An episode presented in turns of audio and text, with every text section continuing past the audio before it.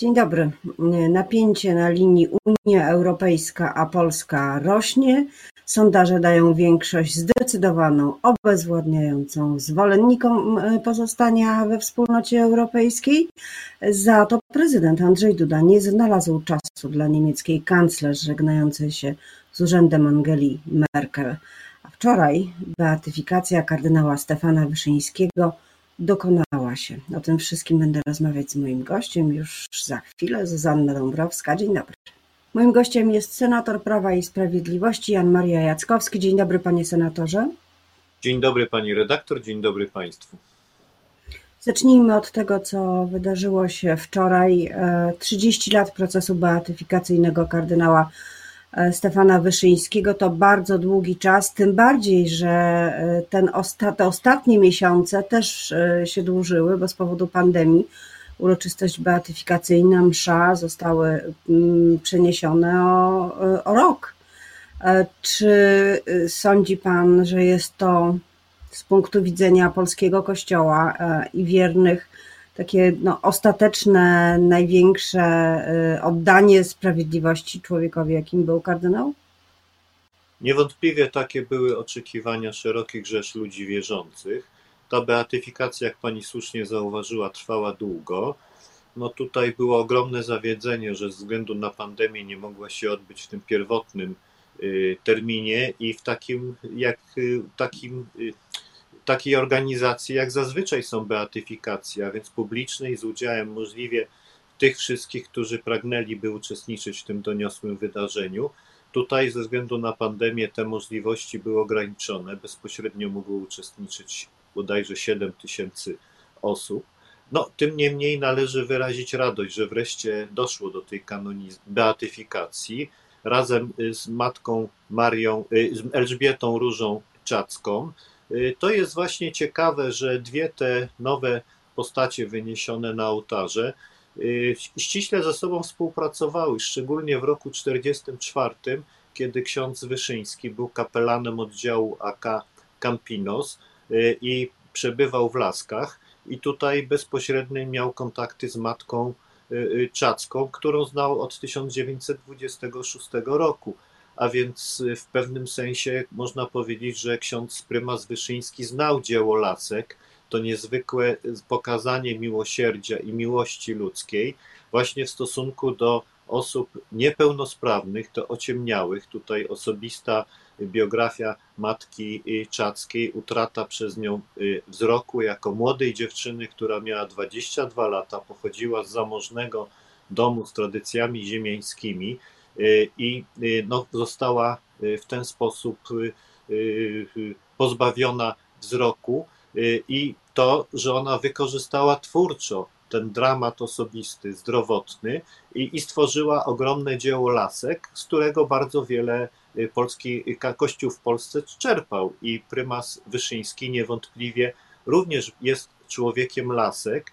I tutaj wbrew tym różnym takim ocenom jego y, posługiwania biskupiego czy y, prymasowskiego, to widać wyraźnie, że dla niego właśnie taki kościół bliski człowieka, kościół oparty na przykazaniu miłości, kościół zgrzebny, no bo przecież kaplica w Laskach ma taką bardzo dużą ascetykę, jest przepiękna, ale jest bardzo prosta, w drewnie wykonana. I też te kaplice, które były w prywatnych y, domach, w których kardynał Wyszyński przebywał, czy w Choszczówce, czy w Ostoi, y, w, w Krynicy, właśnie miały taki charakter bardzo niepompatyczny, nie barokowy, tylko ten wystrój był bardzo prosty, właśnie taki, żeby można się było skupić na modlitwie, kontemplacji y, i poszukiwaniu, y, poszukiwaniu swojej drogi życia.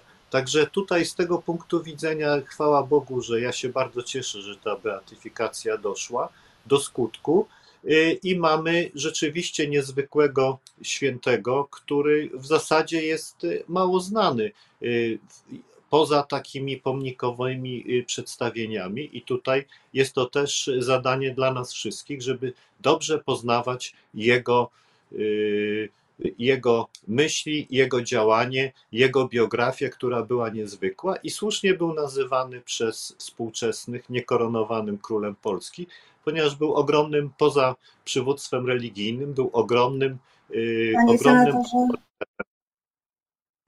Tak, słucham. Y, panie senatorze, ja mam wrażenie, że czasem tych lekcji y, miłości drugiego człowieka jest, miłości bliźniego jest za mało w społeczeństwie, patrząc na to, jaki jest stosunek do chociażby uchodźców, patrząc na to, co się dzieje cały czas na granicy i stan wyjątkowy, no myślę, że to, co zresztą podkreślili biskupi w swoim e, liście w tej sprawie, y, że brak współczucia i brak pomocy to jest zaprzeczenie istocie chrześcijaństwa. E, według danych w tej chwili dwie osoby na granicy są w stanie krytycznym.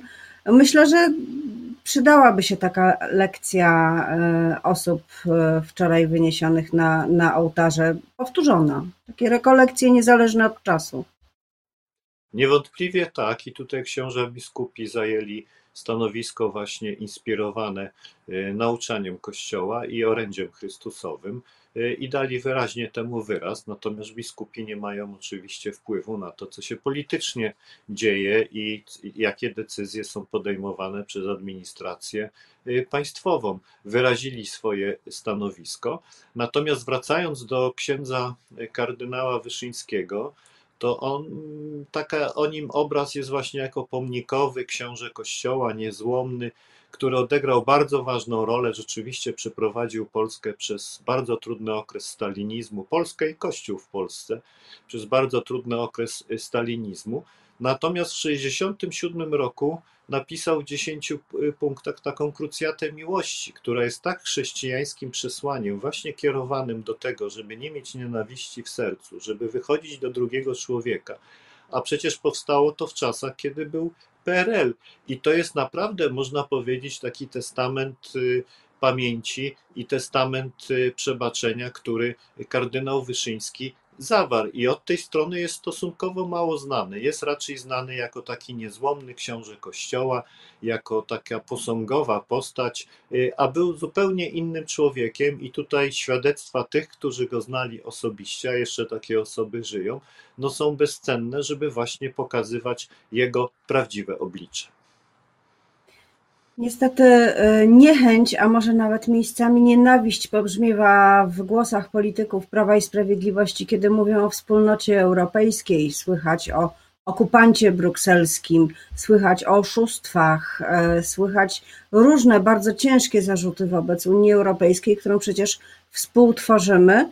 E, wydaje mi się, że właściwie nieunikniona jest eskalacja tego sporu, tego konfliktu w sytuacji, kiedy zawieszone zostały środki europejskie z różnych źródeł. Może być też zawieszona e, wypłata budżetowa. E, czy sądzi Pan, że e, Prawo i Sprawiedliwość się cofnie i posłucha zaleceń Unii Europejskiej, czy też właśnie będzie eskalacja? No była w sobotę w Warszawie pani kanclerz Angela Merkel z pożegnalną wizytą i dała wyraźny sygnał, że jest zwolenniczką dialogu między Warszawą a Brukselą. Nawet y, powiedziała, że może y, pomóc w tym dialogu. To jest cenna deklaracja i sądzę, że ona jako taka y, realistka doskonale zdaje sobie sprawę, że eskalacja tego konfliktu czy napięć między Brukselą a Warszawą do niczego dobrego nie prowadzi, ale nie tylko w stosunku do Polski w kontekście tych wszystkich środków unijnych, ale również i dla samej Unii Europejskiej, bo nie jest tajemnicą, że nastroje eurosceptyczne wzrastają nie tylko w Polsce, chociaż one w stosunku do poziomu z innych krajów tak zwanej starej Unii Europejskiej są na bardzo niskim poziomie, ale też i w innych krajach y, y, starej Unii e, y, Europejskiej. I dyskusja na temat tego, jaki ma być model zarządzania Unią Europejską, ile ma być państw narodowych, a ile wspólnotowej polityki jest żywym sporem. Teraz przechodząc do tego, o co mnie pani y, pyta. Tu bliskie mi jest y, stanowisko y, pana profesora Krasnodębskiego, który jest, jak wiadomo, eurodeputowanym z ramienia Prawa i Sprawiedliwości i powiedział, że w tym sporze za mało wykorzystano środków prawnych, jakie strona polska miała i zbyt łatwowiernie zaufano deklaracjom, które politycznym, które padały. Ja przypomnę, że w lipcu 20, 2020 e, roku na Radzie Europejskiej, gdzie zapadła decyzja o powiązaniu wypłaty środków unijnych z praworządnością, Y, wtedy był, y, premier powoływał się na deklarację polityczną, że to chodzi tylko o sprawy korupcyjne, natomiast to nie chodzi o kwestie na przykład y, sposobu reformy wymiaru sprawiedliwości. Tak to przedstawiano opinii publicznej. Widać wyraźnie, że ta sytuacja jest zupełnie inna i w tym sensie. Panie senatorze, ale, ale przerwę tutaj, bo Rzecz, Rzeczpospolita publikuje sondaż dotyczący całej Unii robiony przez Ipsos we wszystkich krajach członkowskich i 81% Europejczyków, e, w tym w Polsce także wysoki odsetek, bo w Polsce było to bodajże 74% respondentów, uważa, że państwa członkowskie powinny realizować e, zasady umieszczone w traktatach e, prawa wspólnotowego i całe prawo wspólnotowe, a jeśli nie, to, że można karać je finansowo. To jest dominująca opinia w Unii Europejskiej. Polski rząd jest w mniejszości z poglądami, które mówią, możemy robić co chcemy w wymiarze sprawiedliwości i nie macie nic do tego. No sama byłabym przerażona, gdyby jakieś państwo Unii Europejskiej nie gwarantowało mi równego prawnego traktowania i niezawisłości, gdybym na przykład robiła w nim jakieś interesy, czy handlowała, eksportowała, będąc przedsiębiorcą. Co z tym zrobić? Wyniki sondażu mnie y, nie dziwią, y, natomiast y, to nie zmienia faktu, że nie tylko w Polsce, tu bym chciał trochę mm, szerszy kontekst tego ale i w Niemczech, i we Francji, i też jeszcze w innych krajach członkowskich Unii Europejskiej trwa pewien cichy, taki może niezbyt widowiskowy czy dostrzegany przez opinię publiczną spór między właśnie zakresem kompetencji struktur brukselskich y, a kompetencjami państw członkowskich.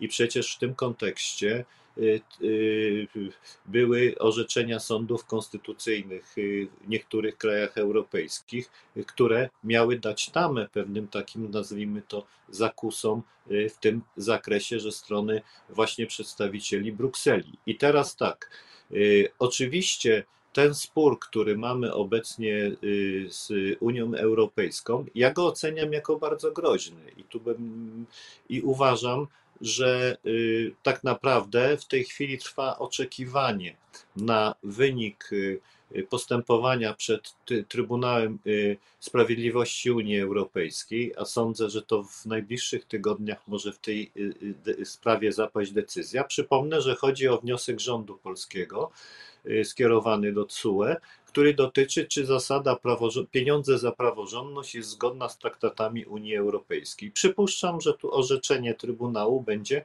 tak, jest zgodna i to będzie tak naprawdę sygnał, który uruchomi możliwość tego, na co Państwo dzisiaj się powołujecie w, y, y, w tym sondażu właśnie dotyczącym krajów Unii Europejskiej, jak, jak Europejczycy oceniają tę kwestię i będzie ogromna presja na Komisję Europejską, żeby z tego skorzystać i przypuszczam, że będą działania w tym zakresie y, się nasilały. I teraz jest pytanie... Panie senatorze, ale to Dodajmy jeszcze do tego, y, żeby pełne, było to spektrum, ten obraz, środki z Krajowego Planu Odbudowy. Dodajmy do tego wniosek w sprawie ukarania Polski za niewykonywanie y, zabezpieczenia w dwóch werdyktach, y, który wydał Trybunał Sprawiedliwości. Ja już nie chcę mówić o tej karze z powodu, z powodu konfliktu polsko-czeskiego o kopalnie odkrywkowe, zanieczyszczenie środowiska.